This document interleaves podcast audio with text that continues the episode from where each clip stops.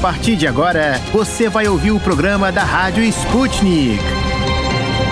Saudações, estimados ouvintes! Diretamente de Moscou, estamos eu, Pablo Rodrigues e minha colega Ana Lívia Esteves para levar muitas novidades para todos vocês. Olá, caros ouvintes. Muito obrigada pela audiência dessa segunda-feira, 24 de janeiro. Vamos começar essa semana sabendo quais são as notícias do momento? Ótima ideia! E para começar, claro, Brasil. Nesta segunda-feira, 24, o orçamento de 2022 deve ser publicado no Diário Oficial da União, após ter sido sancionado pelo presidente Jair Bolsonaro. O ato foi aprovado pelo Congresso em 21 de dezembro de 2021 e o governo afirmou que o orçamento é, aspas, compatível com os limites para as despesas primárias, como os gastos com saúde, educação e construção de rodovias. O Planalto ainda ressaltou ser necessário, aspas, vetar programações orçamentárias com o intuito de ajustar despesas obrigatórias. Porém, caros ouvintes, o valor vetado não foi informado em nota do Planalto, assim como não foram mencionados os vetos e nem o fundão eleitoral. No sábado, dia 22 de janeiro, em meio ao falecimento e ao enterro da sua mãe, o chefe do executivo afirmou que foi obrigado a vetar 28 bilhões de reais e que não teve, aspas, cabeça cabeça para ver com profundidade. Já ontem, o Departamento de Estado dos Estados Unidos autorizou a saída voluntária de funcionários da embaixada americana em Kiev e ordenou a saída das famílias dos diplomatas em meio às preocupações de segurança. Os cidadãos americanos na Ucrânia receberam a recomendação de deixarem o país em meios de transporte comerciais. Além disso, o departamento aconselha os americanos a não viajar para a Rússia. Enquanto isso, Washington continua fornecendo a Kiev assistência militar. No sábado, dia 22, a Ucrânia recebeu 200 milhões de dólares, o que seria cerca de 1 bilhão de reais em armas e munição. Um funcionário do Departamento de Estado dos Estados Unidos afirmou que, aspas, estamos ajudando a Ucrânia com nova assistência de segurança defensiva letal, incluindo munição para os defensores ucranianos na linha de frente. O primeiro de vários carregamentos para as Forças Armadas ucranianas, totalizando 200 milhões de dólares dólares, chegou a Kiev em 22 de janeiro e ainda mais chegarão nas próximas semanas. E o clima tá tenso até mesmo para cosmonautas, caros ouvintes. No sábado, dia 22, uma fonte contou a Sputnik que os Estados Unidos não concederam o visto de entrada ao cosmonauta russo Nikolai Chub, que deveria passar por treinamento no Centro Espacial da NASA. O cosmonauta que se juntou à equipe da Rússia em 2012 deveria treinar seu primeiro voo à Estação Espacial Internacional no Centro Espacial Johnson, agendado para 2023. De acordo com a Corporação Espacial Estatal Russa Roscosmos, aspas, a situação coloca em questão a segurança da estadia do cosmonauta russo na Estação Espacial Internacional e a segurança do segmento americano da estação devido ao despreparo do cosmonauta russo em caso de emergência.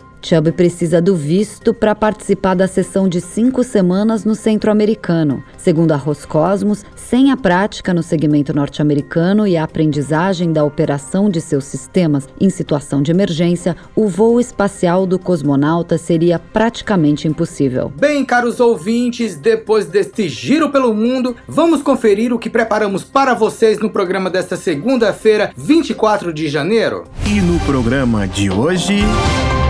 No Destrinchando a Charada Brasil de hoje, vamos falar sobre a queda do Brasil na lista de países mais atraentes para negócios. No Esqueceram de Mim em Portugal, vamos comentar o produto português que bateu a maior produção histórica do país. No Bombando no YouTube, vamos conhecer o almirante alemão que quer aliança com a Rússia para conter a China. Destrinchando a Charada Internacional, vamos entender com o padre Luiz Correa sobre confessionalização do Estado e ascensão da intolerância religiosa no mundo e no Brasil. No Hora do Problema, um professor de russo vai revelar qual é o bicho de sete cabeças na gramática desse idioma. O Deu Russo que é o nosso quadro de histórias bizarras da Rússia, vai contar quantas vezes um ingênuo internauta acaba caindo em fraudes para pedir ajuda a policiais. Os vídeos mais esperados estão disponíveis no nosso canal no YouTube. Para encontrá-lo é fácil.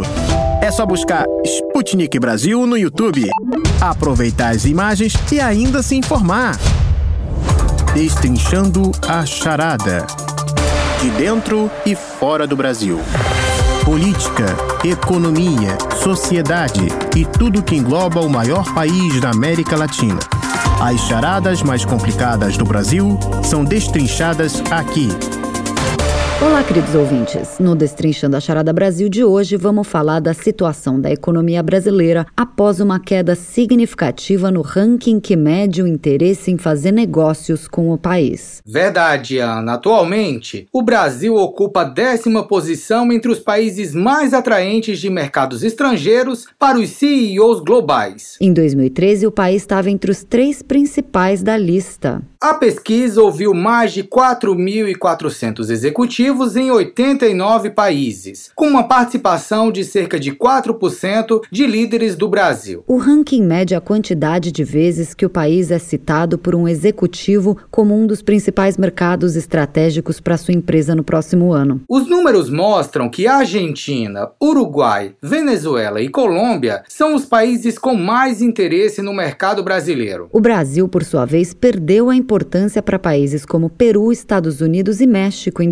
2022 em relação ao ano anterior, quando ocupava o oitavo lugar. Os dados são da 25ª edição da pesquisa anual global com CEOs da PwC. Dentre as causas citadas pelos entrevistados para essa queda no ranking estão a instabilidade macroeconômica, que corresponde a 69%, e os riscos cibernéticos, com 50%. Os dados mostram ainda que os Estados Unidos, a China e a Argentina serão os principais mercados estratégicos para empresas brasileiras nos próximos 12 meses. No Brasil, cerca de 5% dos executivos que participaram da pesquisa acreditam que esse ano vai ser de estabilidade econômica internacional, sendo que 13% projetam uma desaceleração. Quando o assunto é o produto interno bruto brasileiro, 63% avaliam que a economia do Brasil vai acelerar. Outros 26% veem uma queda caminho, enquanto 11% disseram que haverá estabilidade. Para trazer um pouco da perspectiva do mercado, a gente convida o Tiago Fernandes. Ele é CEO da startup AutoForce, desenvolvedora de tecnologias e solução de marketing digital para o segmento automotivo. Olá, Tiago. Muito obrigado por conversar com a Rádio Sputnik. Tiago, me diz uma coisa. Como você analisa essa falta de interesse pelo Brasil para os negócios? Olha, eu encaro tudo isso como uma dinâmica normal de mercado. É, devido ao cenário atípico que nós estamos vivendo em torno do planeta, causado pela pandemia e os seus impactos na sociedade e na economia, as empresas e empreendedores tentam mitigar de todas as maneiras riscos operacionais, principalmente os riscos de internacionalização. Isso significa que o apetite de internacionalização de empresas norte-americanas para com o Brasil também está diretamente ligado a esse ponto. Como empreendedor de uma startup, eu preciso encarar tudo isso como uma oportunidade, com outros olhos. Hoje nós temos uma abundância de recursos de investimento anjo, de fundos de investimento, de, de venture capital, assim como também nós temos uma abundância de startups e empreendedores com produtos e serviços incríveis e essas empresas são administradas por empreendedores e empreendedores super preparados. Então, as startups brasileiras, nesse ponto, acabam tendo essa redução de interesse internacional pelo Brasil em termos de empresas querendo vir para cá como uma vantagem competitiva, uma vez que elas conseguem atuar no mercado com seus próprios recursos e de fundos sem ter que diretamente competir com um player potencialmente mais, mais rico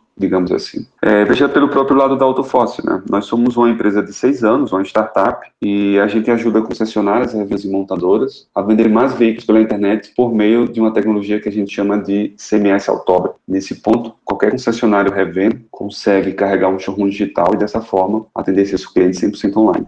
Nesse cenário de incertezas, o que você daria como sugestão para os CEOs que desejam bons resultados nas suas empresas? Bem, eu acho que todo CEO tem algumas atribuições principais que só ele pode desenvolver na empresa, né? como, por exemplo, definir a visão e a estratégia do negócio, evangelizar a empresa para todos, contratar e gerenciar a equipe, especialmente nas áreas que você tem mais lacuna, levantar recursos e definir a execução e garantir que ela seja feita com muita qualidade todos os CEOs que eu conheço e admiro, e são exemplos na sua indústria, no seu segmento, são líderes excepcionais e possuem características principais, eu posso destacar até algumas aqui. Eles são modestos e humildes, focam no sucesso da equipe, mais do que no próprio sucesso pessoal, digamos assim, são inabaláveis e sua ambição é voltada completamente para os objetivos da empresa e não para o crescimento pessoal. Os melhores CEOs, e eu tento buscar isso para mim mesmo, né, são extraordinariamente responsivos. Isso é um indicador de decisão, foco, intensidade e capacidade de fazer as coisas.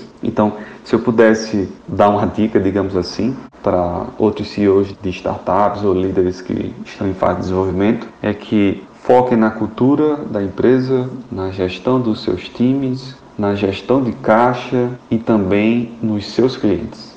Acho que é isso. Queridos ouvintes, a gente conversou com o Tiago Fernandes da startup AutoForce. Muito obrigado, Tiago. Quem participa agora da nossa conversa, trazendo mais detalhes a respeito dos números dessa pesquisa, é o Alexandre Prado, que é especialista em finanças. Olá, Alexandre. Agradecemos pela entrevista. Esta nova posição do Brasil, ocupando o décimo lugar na pesquisa, é algo preocupante? O Brasil, assim como a maioria absoluta dos países do mundo, sentiu fortemente os impactos da pandemia que já completam quase dois anos aí agora em março. Então o Brasil sempre foi e sempre será um país de grande importância no cenário internacional. Com a economia globalizada, o que acontece é que alguns países são mais sensíveis, outros são mais fortes durante as crises e as crises elas existem e vão continuar existindo. Então o Brasil vem perdendo importância no cenário internacional? Entendo que não. O Brasil vem, na verdade, mantendo-se you. Em destaque no mercado internacional ao longo dos anos. Esse ano a gente vai ter eleições. Sendo assim, a gente pode esperar mudanças significativas para o mercado em 2022? Esse ano há que se considerar que é um ano eleitoral e sempre que nós temos um ano eleitoral, o mercado sente, o mercado fica mais atento, a gente tem as ações pontuais em períodos pré-eleitorais, com foco em taxa de juros, endividamento interno taxa cambial, inflação. Então, todas essas questões que são do dia a dia de um país, do Brasil, no caso, elas acabam ficando mais em destaque. É jogada luz nesses aspectos por conta de uma disputa política no ano eleitoral. Agora, essa queda de duas posições não significa absolutamente que o Brasil está num cenário economicamente negativo para o ano de 2022. É um ano que merece atenção, como merece atenção todo ano em que há uma eleição. Como a instabilidade macroeconômica, apontada como principal impedimento para um melhor desempenho do país, interfere na economia brasileira, Alexandre? Na verdade, em termos macroeconômicos, o Brasil ele está sólido, ele está consolidado. O que há é que parte desses indicadores econômicos sofrem ali efeito da instabilidade, eu diria, política. Uma polarização que nós temos, uma tentativa de uma terceira via ainda muito enfraquecida. Então, em termos de fundamentos econômicos, o Brasil está bem, está saindo de uma crise decorrente da pandemia assim como outros países. Recentemente foram mostrados os impactos na economia dos Estados Unidos, elevado grau de desemprego, aumento de inflação, com correspondentes ações do governo norte-americano em termos de taxa de juros. Essa instabilidade macroeconômica apontada por alguns, na verdade, é uma instabilidade política que tem impactos na economia, mas os fundamentos macroeconômicos seguem O governo atual interfere diretamente nesse resultado negativo para o Brasil? O governo que está sempre governando, ele é o responsável pela situação econômica do país. No entanto, deve-se destacar que no governo do atual presidente, no período de quatro anos, ele teve um primeiro ano de governo e nos dois anos seguintes, praticamente, um período de pandemia com severos impactos na economia do Brasil e do mundo. Desemprego, inflação, inflação decorrente de desaceleração da atividade econômica. Então, o governo atual, ele até pode, ele tem, obviamente, impacto, que é ele quem está conduzindo a política econômica, mas eu diria que os impactos negativos no que se vê hoje não são decorrentes do governo. Eu diria que o governo, com suas ações, até mitigou impactos negativos para que não fossem maiores ainda. É possível virar o jogo e voltar a ser um país mais desejado para negócios novamente e ocupar boas posições de mercado? É possível virar o jogo e subir algumas posições, sim, e eu não tenho dúvida que isso vai acontecer. Grande parte dos problemas que o Brasil encontra hoje, questão macroeconômica, risco cibernético, desigualdade social, são aspectos que também assolam alguns outros países, principalmente riscos cibernéticos. Então, o que o Brasil precisa fazer é continuar com as reformas que vêm sendo realizadas nos últimos anos, ainda há muito a que se fazer. Uma reforma administrativa, realmente uma reforma tributária consistente, uma reforma política. Então, na medida em que o Brasil se tornar um ambiente mais firme, com regras mais claras, menos burocrático, automaticamente o mercado executivo, os CEOs vão voltar sua atenção novamente para o Brasil, que dentro de um cenário mundial estar em décima posição ou em terceira ou em quinta é somente uma estatística. Tomara que o Brasil volte a ser um país de interesse para grandes negócios e a economia apresente resultados positivos e atrativos para os investidores. Vamos torcer para isso, Ana. Esse foi o Alexandre Prado, especialista em finanças.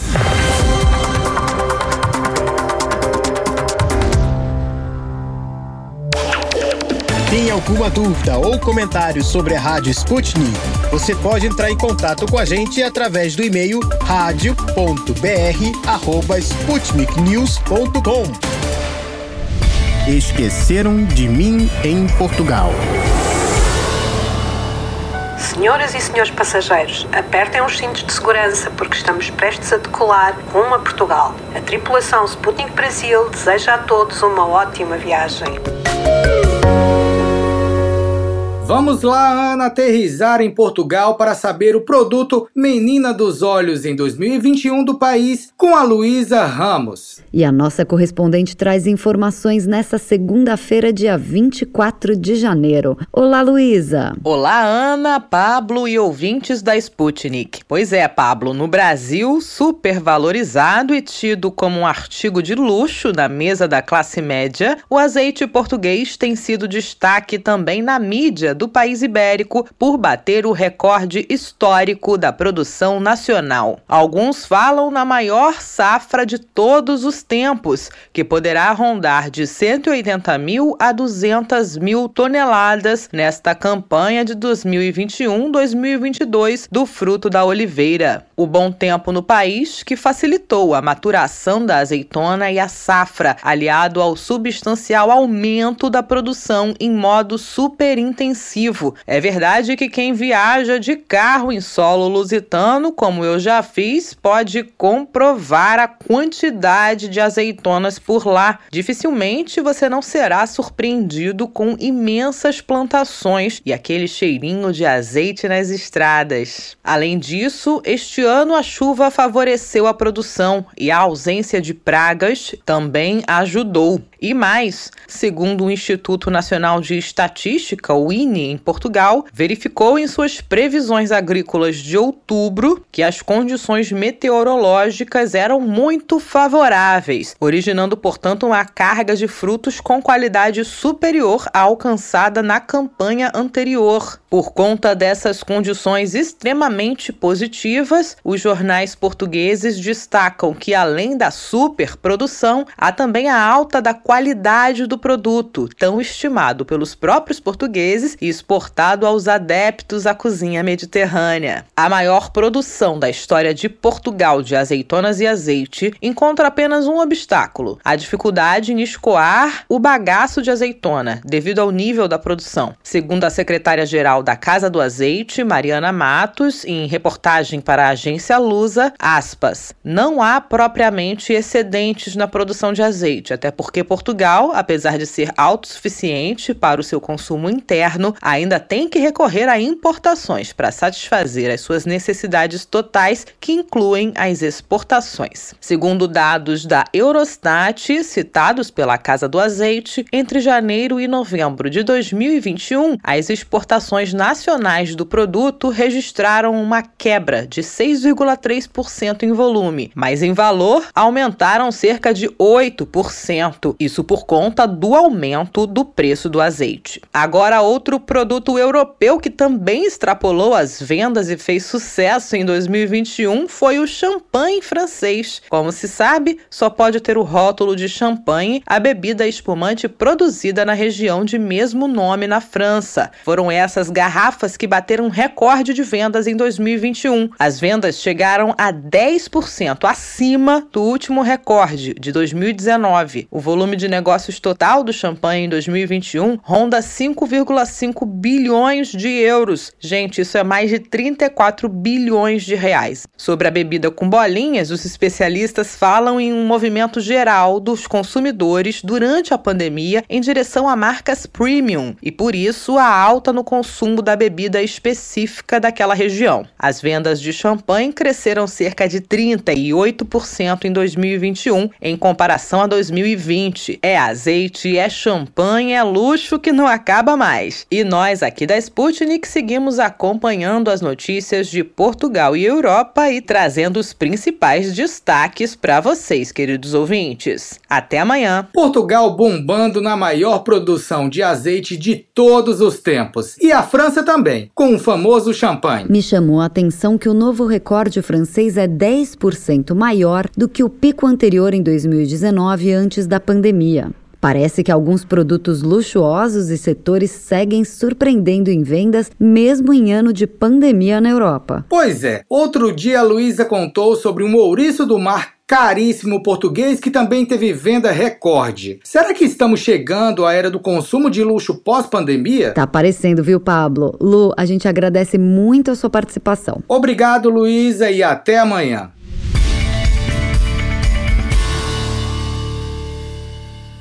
Os vídeos mais esperados estão disponíveis no nosso canal no YouTube. Para encontrá-lo é fácil. É só buscar Sputnik Brasil no YouTube, aproveitar as imagens e ainda se informar. Bombando no YouTube. Curtidas e mais curtidas da Rússia ao Brasil. Confira com a Rádio Sputnik os vídeos que receberam mais likes e visualizações e estão no topo do YouTube. E fique por dentro do que está sendo filmado por amadores ou profissionais pelo mundo afora.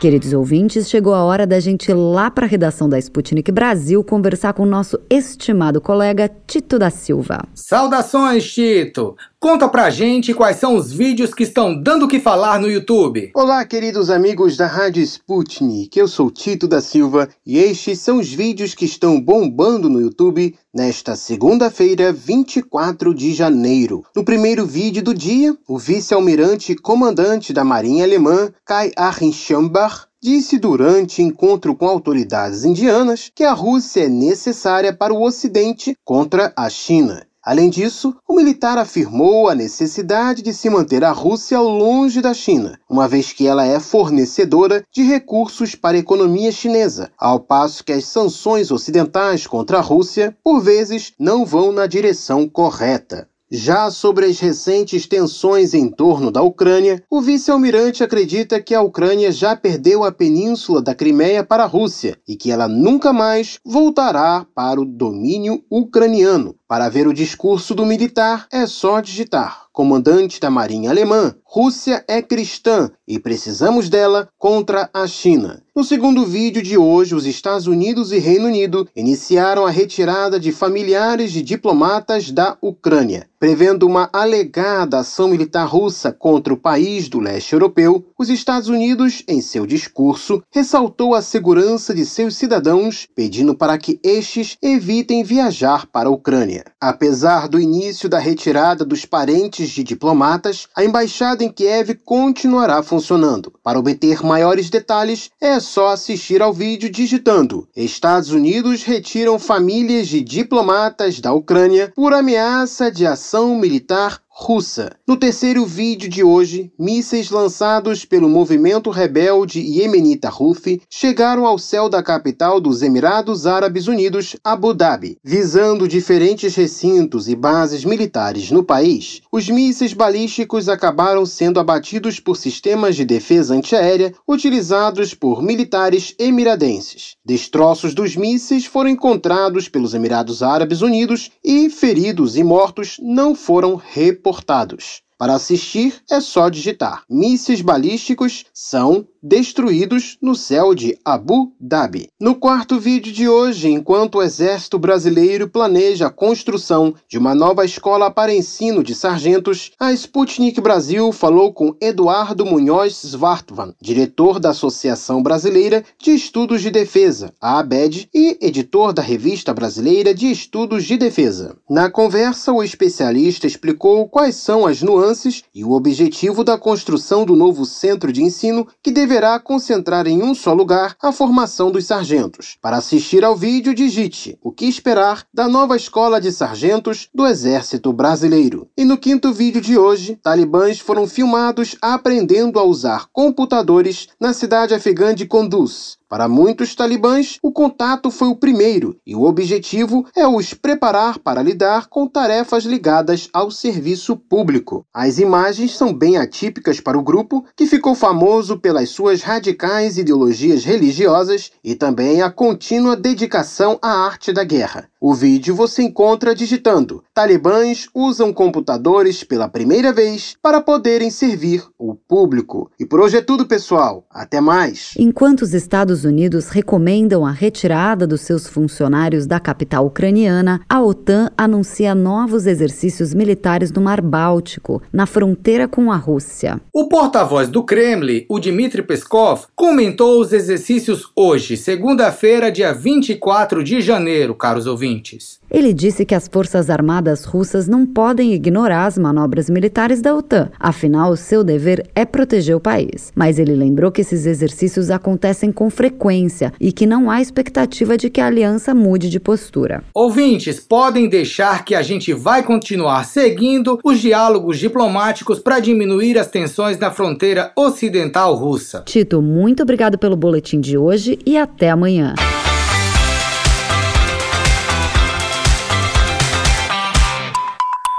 Para ficar por dentro de todas as novidades, tanto mundiais como brasileiras, se inscreva no nosso canal do Telegram. É muito simples. É só você escrever Sputnik Brasil na busca do Telegram e se inscrever para receber as notificações. Destrinchando a charada. Encruzilhada Internacional. Relações políticas, socioeconômicas e muito mais entre as nações deste mundão da Rússia aos Estados Unidos. Encontre com a gente as respostas às perguntas do momento.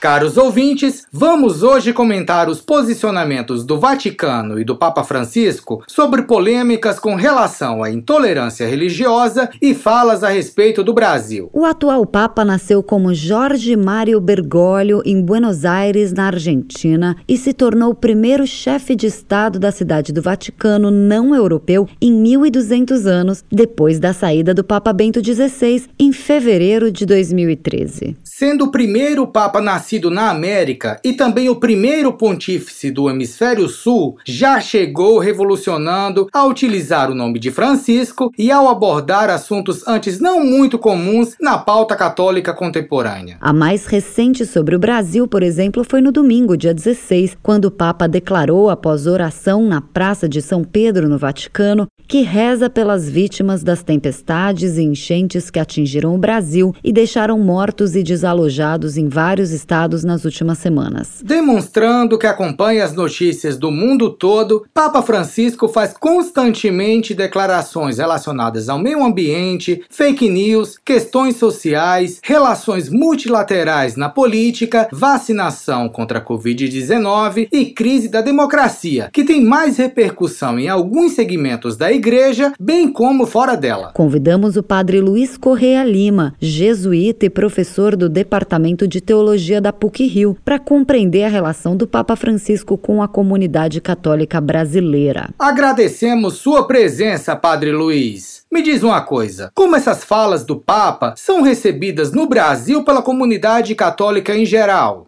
A comunidade católica é bastante diversificada, são diversos movimentos, paróquias, sensibilidades e tal, e existe uma mídia católica que repercute essas falas do Papa. Talvez o Papa Francisco, em alguns pontos, tenha mais seguidores fora da Igreja Católica do que dentro. Por exemplo, essas questões, essas encíclicas sociais dele, como a Laudato Si sobre o meio ambiente, e também essa última Fraternitude sobre questões sociais, que é a favor de uma solidariedade internacional, sobre relações multilaterais, contra fake news, denunciando a democracia em crise, a ascensão do populismo, risco para a democracia. Quer dizer, isso aí tem muito mais repercussão em alguns segmentos da igreja, alguns segmentos progressivos, mas em outros não tanto. Fora da igreja tem uma repercussão bastante ampla. Por exemplo, no sínodo sobre a Amazônia, que o Papa convocou, Dizer, há vozes na Igreja Católica que não estão muito afinadas, não. Né? Setores do episcopado que não. Inclusive, eu digo isso também fora do Brasil, nos Estados Unidos, lugares que não tem muita afinação com isso. Até, a, por exemplo, a campanha do Papa a favor da vacina contra a Covid-19 teve uma repercussão boa nos ambientes católicos, mas existem, infelizmente, existem bispos católicos negacionistas. E fora da igreja, essas coisas são bem recebidas. Alguém que tem mais entusiasmo pela mensagem social do Papa que, que setores dentro da igreja, da própria igreja católica. Padre Luiz, no ano passado, passado, em maio, houve uma polêmica do pedido do padre João Paulo, de Campina Grande, ao Papa. Ele pediu: Santo Padre, ore pelos brasileiros. Ao que Francisco respondeu: Vocês não têm salvação, é muita cachaça e pouco coração.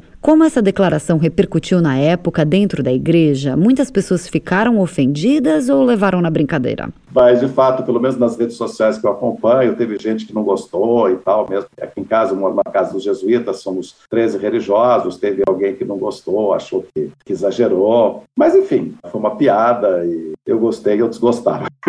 e justamente é o estilo dele, muito próximo, muito afetivo, que faz ele ser assim. Então, por exemplo, ele teve uma conversa com a Dilma, então presidente da República, quando ele veio ao Brasil, isso ela contou depois, ele chegou e disse a ela: Eu quero muito conhecer um certo alguém que vocês dizem que é brasileiro. Aí ela: Quem? Deus? Aí depois saiu com essa: Bom, Deus é brasileiro, mas o Papa é argentino. Então faz parte desse próximo, essas brincadeiras. Eu acho que mesmo que haja alguma uh, discordância, esse estilo mais informal e afetuoso, acho que o saldo é muito positivo. Bom, Padre Luiz, agora a gente quer entrar em assuntos mais sérios que envolvem religião e política brasileira. Vemos cada vez mais o crescimento dos evangélicos com influência na política nacional e a população brasileira cada vez menos católica. Pensando nisso, padre, como o senhor vê nesse contexto a doutrina fundamentalista pregada pela Igreja Evangélica? A Igreja Católica vê com preocupação esse crescimento? A questão do protestantismo, eu acho que a gente olhando para a história, a gente pode dizer o seguinte: a reforma protestante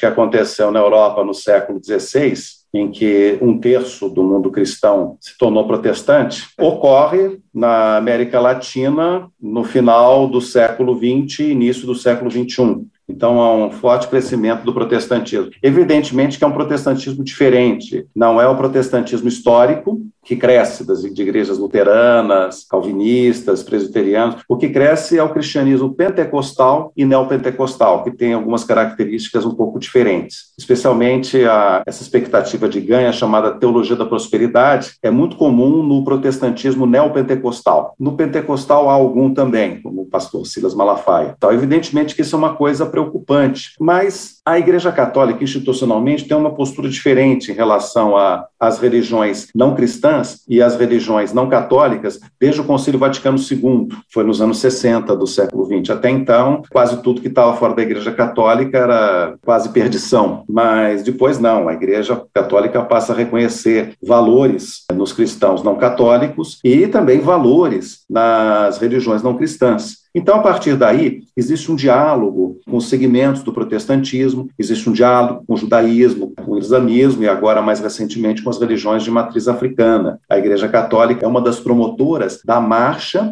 em favor da liberdade religiosa, contra a intolerância religiosa que acontece no Brasil. O que mais me preocupa no, no protestantismo é que esse protestantismo que cresce no Brasil, ao contrário de outras correntes do protestantismo, como os luteranos, anglicanos, outros segmentos já estão afinados com a modernidade, incorporaram valores da modernidade. E esse segmento que agora cresce no Brasil, em grande parte fundamentalista, é sectário, isto é, com espírito de seita, só nós é que temos a verdade, exorcista, essa visão de mundo em que o demônio é onipresente, demonizam as religiões de matriz africana, então atribuem certos males ao encosto, oriundo da mitologia indígena, e atribuem as divindades africanas, ao Exu, e que querem fazer o exorcismo dessas entidades. Isso acaba levando a um racismo religioso. Pode falar mais sobre o racismo religioso e os perigos sociais dessa questão, padre? Esse fenômeno, isso gera uma oposição uma hostilidade às religiões de matriz africana. Então, a gente tem muitos locais do Brasil, das grandes cidades, Rio de Janeiro eh, e outros lugares, lugares controlados pelo tráfico, ligados a evangélicos chamados narcopentecostais, onde eles são, esses traficantes são estados a expulsar os terreiros dessa região, ameaçar pais de santo, ameaçar fiéis que não podem usar os seus adereços, não podem realizar seus cultos. Então,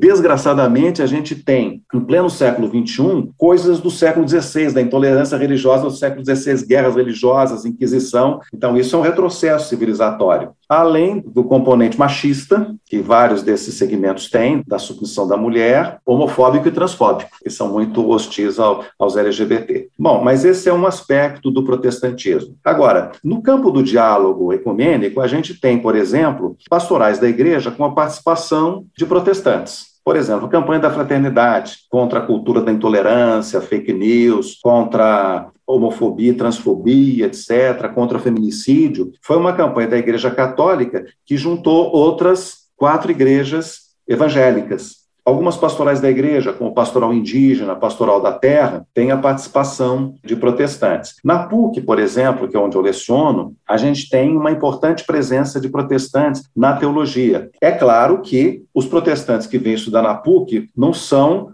como vários outros. Eles já romperam uma barreira sectária a ponto de irem estudar com católicos. O que podemos analisar na questão que envolve religião e política especificamente no Brasil, principalmente após a entrada de Rodrigo Mendonça no STF, o ministro terrivelmente evangélico, segundo as palavras de Jair Bolsonaro. E aí, padre, o crescimento da influência da religião na política preocupa a Igreja Católica? Olha, talvez seja uma resistência à modernidade a certos elementos da modernidade, do pluralismo, da laicidade, da manutenção de um modelo tradicional de família, que seja o grande apelo dessa propaganda, aliado também às circunstâncias políticas que o Brasil vivia, de rejeição ao PT, descrédito do centro, da centro-direita. Mas me parece que há uma rejeição à modernidade em alguns dos seus elementos que faz com que esses segmentos tenham força. Esse fenômeno não foi só no Brasil, também nos Estados Unidos, na Hungria, na Itália, em outros lugares, e parece que está declinando. É um segmento complexo, é uma constelação o mundo protestante, que tem inclusive uma questão política complexa aí. Na última eleição, metade dos católicos votou em Bolsonaro e 70% dos protestantes. Esse número está mudando agora, parece que Bolsonaro perdeu muitos seguidores no mundo protestante, enfim, mas é um pouco preocupante essa uma certa confessionalização do Estado brasileiro, porque o Estado é laico, a nossa República separou a Igreja e Estado desde 1958 e depois com o Concílio Vaticano II a Igreja fala de uma sã laicidade e isso é um valor a ser preservado. Quer dizer, nós não temos que ter um ministro do Supremo Tribunal Federal terrivelmente evangélico, nem católico, nem judeu, nem o que quer que seja. Nós temos que ter um, um ministro que seja, que cumpra a Constituição, que tenha valores jurídicos, valores de cidadania. Então, são questões aí que passam por essa fazem parte dessa constelação protestante. A emergência de novas configurações familiares, de novas demandas, novas ideias a respeito de gênero, de diversidade sexual, de identidade de gênero, tudo isso faz com que muitas pessoas se sintam ameaçadas. Parece que é como se o mundo fosse acabar. Há um pânico moral que se faz em torno disso. Então, muitas pessoas acabam canalizando sua preferência política para esses segmentos conservadores que vão tentar frear essas mudanças. Me parece que esses elementos jogaram um papel importante no cenário político recente do Brasil. Em Angola, no ano passado, foram expulsos pastores pentecostais brasileiros da Igreja Universal do país. O senhor acredita que existe uma reação adversa às doutrinas pregadas por esse tipo de linha cristã? Tem a ver com a temática sobre a doutrina da prosperidade, que é voltada especificamente para o ganho financeiro e envolve essas igrejas evangélicas que mencionamos, não é mesmo, padre? Qual o perigo dessa teoria da prosperidade e como combatê-la? Talvez esse apelo de você oferece 100, vai ganhar 10 mil, esse tipo de propaganda da, da teologia da prosperidade possa ter sido visto como charlatanismo. De fato, estudiosos na igreja têm escrito sobre isso, sobre a, a teologia da prosperidade como uma corrupção do cristianismo, né? uma, uma espécie de venda de uma falsa esperança e reduzir Deus a um quebra-galho. Eu tive um professor de teologia que certa vez disse que parece ser uma porta de saída da religião, porque a ênfase da religião fica no resolver problemas de emprego, de saúde e outros. No momento que não resolve mais, não há mais nada. Então, de fato, é um perigo que a religião corre, que o cristianismo corre com a teologia da prosperidade. O modo de se enfrentar é a instrução das pessoas, é instruir as pessoas, é ter pessoas maduras capazes de avaliar criticamente esse tipo de propaganda para que vejam o quanto que isso é falacioso, o quanto que isso é infundado, o quanto que isso é ilusório. Há algo de positivo que os estudos de religião possam enfatizar sobre as igrejas evangélicas? Mas, porém, há um outro aspecto. É, há antropólogos que escrevem sobre pentecostais e não pentecostais que estudam populações de periferia, mostrando que existem ganhos na pertença às igrejas evangélicas. Tem um que se chama Spire, que escreveu recentemente sobre os evangélicos. Ele fez pesquisa durante muito tempo na periferia de São Paulo, escreveu na Folha de São Paulo, questão de alguns meses, dizendo que há alguns ganhos em populações de periferia pobres que aderem às igrejas evangélicas. Então, por exemplo, uma moral rígida que proíbe a bebida alcoólica vai evitar com que uma parcela do orçamento seja gasto em bebida, porque um marido que deixa de ser alcoólatra passa a ser um marido muito melhor. E também a pertença a um grupo é, onde as pessoas são conhecidas, é uma visão de mundo que dá segurança para as pessoas. De fato, há ganhos para pessoas pobres que passam a pertencer a esses grupos, que são pessoas em busca de uma vida melhor na periferia das grandes cidades, onde a sobrevivência é uma coisa tão difícil, tão complicada. Na sua visão, Padre Luiz, como o Papa Francisco pode ser uma peça importante para a modernização do catolicismo no mundo, sendo religioso latino-americano e com uma visão diferente do eurocentrismo que sempre foi predominante no mundo. O Papa latino-americano, a novidade foi trazer questões da periferia para a igreja no âmbito universal. Ele trabalhou na Conferência Latino-Americana de Aparecida, em 2007. Ele foi o presidente da comissão de redação. Então, muitas dessas questões que estavam sendo discutidas, que ele participou da redação, ele hoje, como Papa, ele tem trazido para os documentos dele, para as encíclicas dele. Então, é algo que passou do âmbito latino-americano para o âmbito da igreja em nível universal. Ele não usa o termo teologia da libertação, porque ele sabe o quanto que é problemático, mas o conteúdo dele é a teologia da libertação, especialmente uma vertente que existiu na Argentina, que é chamada teologia do povo, menos proximidade com o marxismo e mais proximidade com cultura, e, e também das questões latino-americanas trazidas para a igreja. Então, esse sínodo sobre a Amazônia é algo que vai nessa linha, a questão do meio ambiente é universal, mas também toca a América Latina, essa última carta social dele sobre a, a fraternitude, todos irmãos, traz uma série de questões que afetam o terceiro mundo, tudo isso é trazido para o âmbito da Igreja Universal. Ele tem uma linguagem muito direta, ele consegue fazer uma síntese entre o espiritual e o cotidiano, e a vida cotidiana, coletiva, material, evita que a religião se torne algo desconectado do mundo presente. Isso eu vejo como uma contribuição muito grande do Papa Francisco. Por ele vir da Argentina, vir de, vir de uma periferia de mundo, traz essas questões novas, mas que, no fundo, estão resgatando o Concílio Vaticano II, o diálogo com a sociedade, o diálogo com a modernidade. Muito obrigada pela entrevista. A gente conversou hoje com o padre Luiz Correia Lima, jesuíta e professor do Departamento de Teologia da PUC-Rio. A entrevista foi produzida pela Luísa Ramos, com edição de texto no site por Felipe Camargo. Para ler, corre lá em br.sputniknews.com e procure pelas palavras chave: política, religião e Papa Francisco. O nosso quadro Destrinchando a Charada Internacional de hoje fica por aqui, caros ouvintes. Até mais!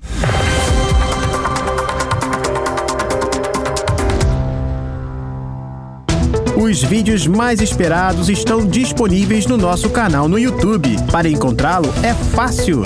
É só buscar Sputnik Brasil no YouTube, aproveitar as imagens e ainda se informar. Não se esqueça de ler, curtir e comentar nossas matérias no site br.sputniknews.com. Hora do problema.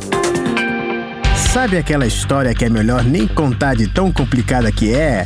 Perrengue na Rússia, sufoco no Brasil e muito mais. Sente aí que lá vem história.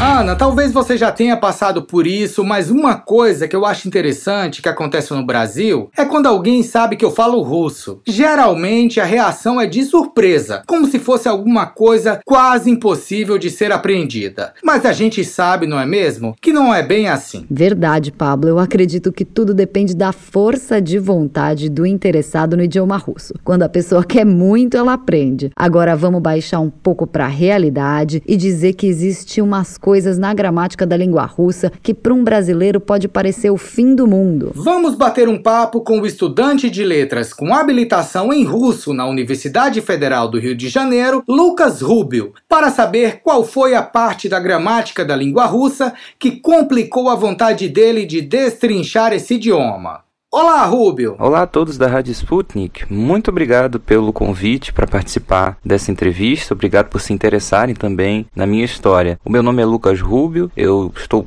quase concluindo a graduação de Letras com habilitação em língua russa pela UFRJ a Universidade Federal do Rio de Janeiro. Afinal de contas, é aqui que eu vivo, no Rio de Janeiro. Eu trabalho como monitor de língua russa pelo Instituto Sayus, no qual a gente já até teve a oportunidade de falar um pouquinho sobre numa entrevista passada, né? Sou monitor porque ainda estou terminando minha graduação, não me considero ainda uma pessoa 100% no russo, mas sim o suficiente para passar adiante vários conhecimentos, é por isso que eu sou monitor dessa língua desde 2018. Caros ouvintes, o Lucas dá aula de russo no Instituto Sayus e no dia 22 de dezembro a Rádio Sputnik entrevistou Rubio e Erika Yurchá para conhecer melhor esse instituto. Quem quiser conferir o bate-papo de 22 de dezembro, basta entrar no nosso podcast Mistura do Brasil com Moscou no Spotify e buscar o episódio intitulado O que conecta condenação de professor de Harvard à influência acadêmica chinesa. Lucas, você faz parte da Brigada Russa do Instituto Sayus, correto? Você poderia explicar resumidamente para os nossos ouvintes no que consiste esse instituto? Eu dou aulas no Instituto Sayus, mas a gente já falou sobre ele numa entrevista passada aqui da Rádio Sputnik Sputnik, muito bacana, por sinal, agradeço mais uma vez a oportunidade. O Instituto Sayus é uma iniciativa de congregar num único lugar vários professores, monitores, né, instrutores, ou como nós gostamos de chamar, brigadistas de idiomas. Ou seja, lá no nosso Instituto Sayus a gente oferece cursos de vários idiomas que geralmente são difíceis de serem encontrados por aí. Então lá no Sayus você vai ter aulas de russo, húngaro, chinês e outras línguas mais comuns como espanhol, francês, né, ou até mesmo árabe, se você quiser aprender. E lá, claro, também tem o russo, tem a brigada russa, e eu sou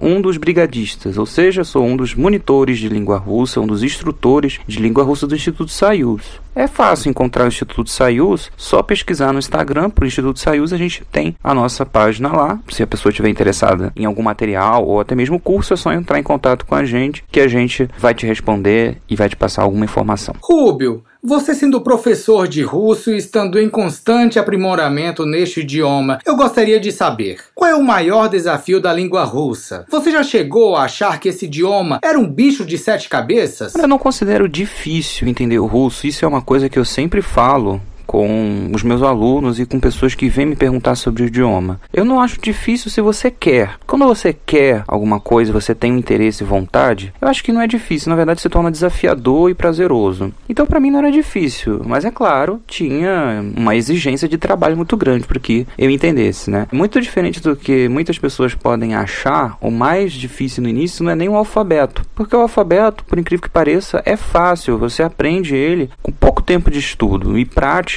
né? Se você trabalhar um pouco em cima dele, você já pega direitinho o significado de cada letra. Não tem muitos sons diferentes do português, então isso é bem tranquilo. O mais difícil sempre é a formação de frases mais complexas, porque o russo é um idioma de uh, declinação, ou seja, as palavras se alteram para cumprir certos papéis né, dentro de uma frase, ou seja, elas vão ganhando papéis, funções diferentes dentro da frase de acordo com o final que você coloca nelas. Então isso é o mais assim difícil, desafiador, porque é muito diferente do português. A gente não faz isso no português, né? O máximo que a gente faz é alterar gênero e número uh, e grau das palavras, né? Fora disso, a gente não muda a função sintática mudando o final delas. O russo, sim. Então, isso que era o mais difícil. E você se lembra de alguma situação de quando você ainda estava no comecinho da aprendizagem do russo que esteja ligada às declinações desse idioma? Sim, alguma situação que eu me lembre dessa época era quando não conhecia todos os casos de declinação. Eu ouvia alguma pergunta, seja durante a aula ou seja tentando conversar pela internet, né? Você ouvir uma pergunta e não saber como declinar a palavra ou não saber como dar uma resposta completa, porque você não sabe, né? literalmente você não sabe como usar aquelas palavras. Então, às vezes a pessoa fazia uma pergunta complexa e eu só poderia responder: dá, que é sim. Fora disso, às vezes ficava difícil. Mas não é nada que com o tempo e o esforço não tenha conseguido adquirir. Por via das dúvidas, queridos ouvintes, se alguém fizer uma pergunta em russo para vocês e vocês não entenderem, eu recomendo não responder sim como o Rubio fazia, mas dar uma resposta contrária. Um não bem dado. Não em russo é Niet. Vai lá que a pessoa concorda fazer uma coisa que não queria, né? Sei lá, nunca se sabe. Rubio, e se os nossos ouvintes quiserem te encontrar nas redes sociais? Onde te buscar? E outra coisa, você posta dicas do idioma russo? Se alguém tiver interesse em me encontrar nas redes sociais, é bem simples, porque o meu nome até que é bem ou mal dito várias vezes aí pela internet. No Instagram você me acha procurando por camarada underline Rubio. No Twitter você me acha por RMS Lucas Rubio. E no Facebook só colocar Lucas Rubio que provavelmente eu serei o primeiro perfil. Isso geralmente dá certo. Eu divulgo as minhas aulas principalmente no Instagram, que é a rede social que atualmente eu mais trabalho, mas no Twitter também. Tá? Eu divulgo geralmente parte das aulas ou algumas curiosidades que eu vou passando para os meus alunos lá pelas redes sociais, né, para que as pessoas fiquem com vontade de ter as minhas aulas. Afinal de contas, nas minhas aulas eu trato da Rússia num contexto bem amplo, né? Então a gente viaja para o interior da Rússia, para cidades às vezes nem sempre tão conhecidas durante as minhas aulas. Eu conto várias curiosidades, partes históricas nem sempre também muito debatidas por aí e às vezes recorto algumas partes dessas aulas e conto para o pessoal nas redes sociais. Então sempre tenho publicado sobre história história e cultura da Rússia e da antiga União Soviética, para quem quiser conhecer melhor. Batemos um papo com o Lucas Rubio, estimados ouvintes. Rubio, que está concluindo o curso de letras com habilitação em russo na UFRJ e que dá aulas de russo no Instituto Sayus. Lucas, muito obrigada pela participação. Um abraço para você e até mais.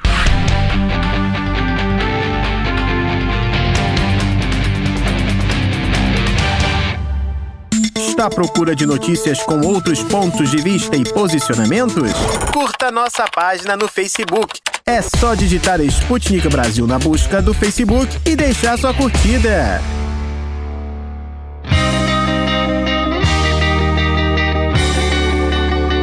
Deu Russo. De notícias bizarras do Brasil já estamos mais que saciados. E as bizarrices que acontecem na Rússia, hein?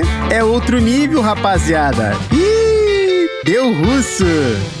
Que a internet está cheia de golpistas, isso todo mundo sabe. Agora que as façanhas de fraudes no meio virtual russo já atingiram outro patamar, isso sim é novidade, caros ouvintes. Sentem aí que lá vem história. Um russo da região de Saratov caiu nas teias fraudulentas da internet. Esse russo se chama Piotr e ele estava buscando na web um serviço sexual para acabar com a sua solidão. Listando anúncios e mais anúncios, Piotr encontrou um que era a sua cara. Não demorou muito e esse russo já clicou na propaganda. Assim que o Piotr clicou, outra janela foi aberta para que ele se registrasse. O russo foi logo preenchendo todos os seus dados, porque pelo visto ele estava com pressa para receber o serviço. Assim que terminou de preencher, um número de celular apareceu na tela e um aviso: pode ligar para a gente. O Piotr na mesma hora ligou, mas estranho, porque chamou, chamou e ninguém atendeu. Esse russo ligou várias vezes e zero resposta.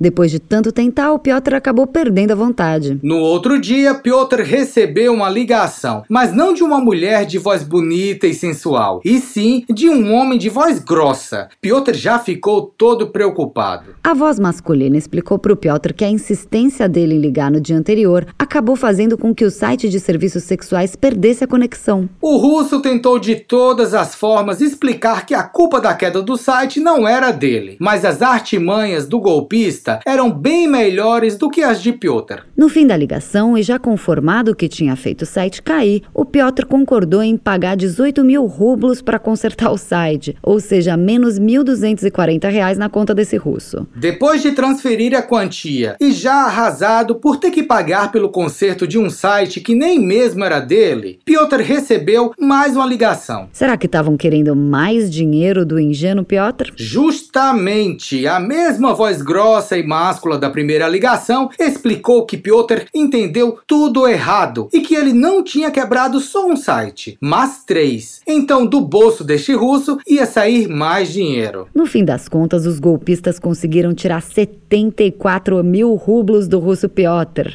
o que corresponderia a um pouco mais de 5 mil reais, caros ouvintes. Piotr caiu não só na primeira fraude, caros ouvintes, mas mesmo quem vive caindo em golpes de internet pode ver uma luz no fim do túnel e decidir buscar as autoridades. Depois de perder uma baita grana para os golpistas, chegou a vez de contar toda a história para os policiais e assim tentar conseguir o seu dinheirinho de volta. Piotr contou tintim por tintim para os policiais. Passou o número usado para ligar para ele e deu todos os dados que tinha. A esperança agora é ter o dinheiro de volta na conta bancária, mas todo mundo sabe que são poucas as chances de achar golpistas na internet. Se a vontade de Piotr no começo era só de conseguir calor humano, agora o desejo desse russo pode ter mudado um pouco. Encontrar um ombro feminino para chorar pela grana perdida.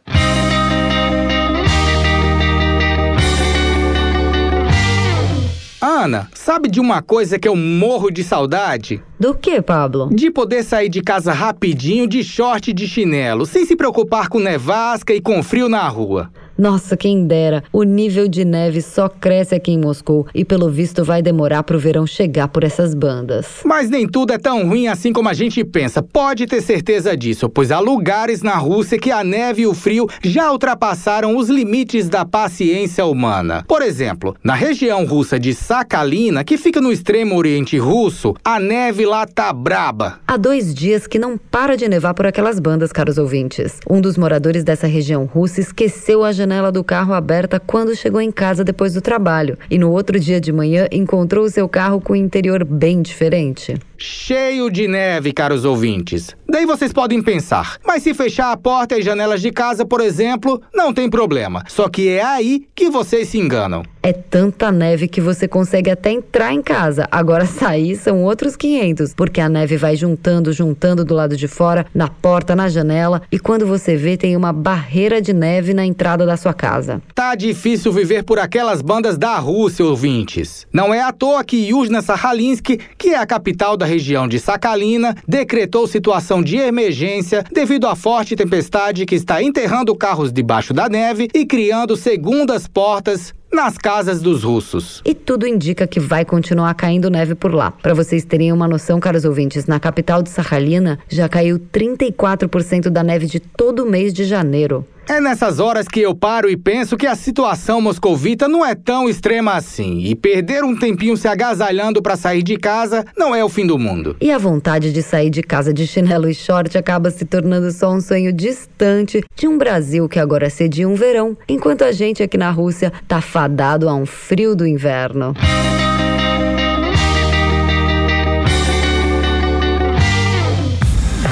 Não se esqueça de ler, curtir e comentar nossas matérias no site br.sputniknews.com. Hora de dar tchau.